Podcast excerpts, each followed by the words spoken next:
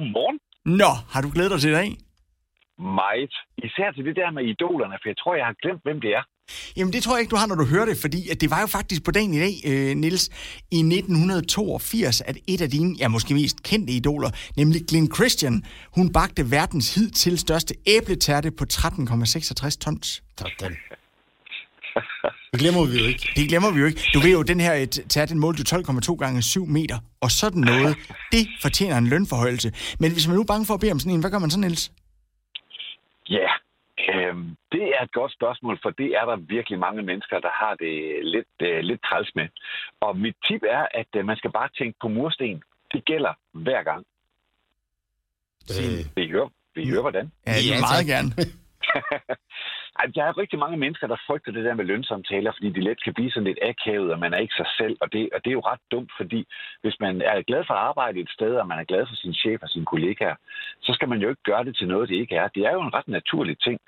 Øh, så det handler faktisk om at prøve at snyde hjernen til at slappe af, og så kigge på fakta i stedet for.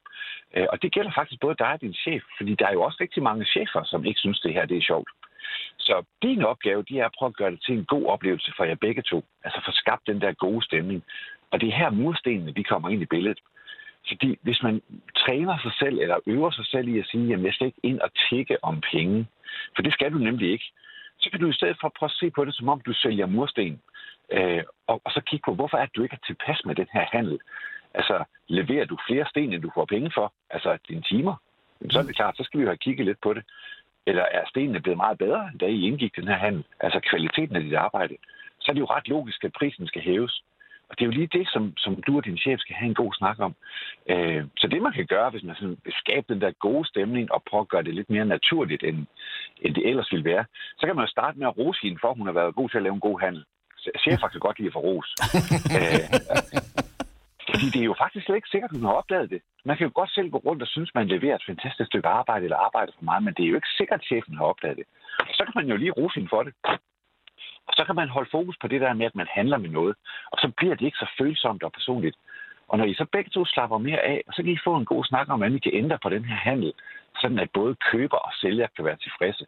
Måske kan hun have nogle færre sten. Det kan jo godt være, altså nogle færre timer. Øh, for hun vil helt sikkert ikke have en dårligere kvalitet. Ej. Det vil i hvert fald være rigtig dumt, hvis hun vil bygge et eller andet, der, der er rigtig godt, ikke?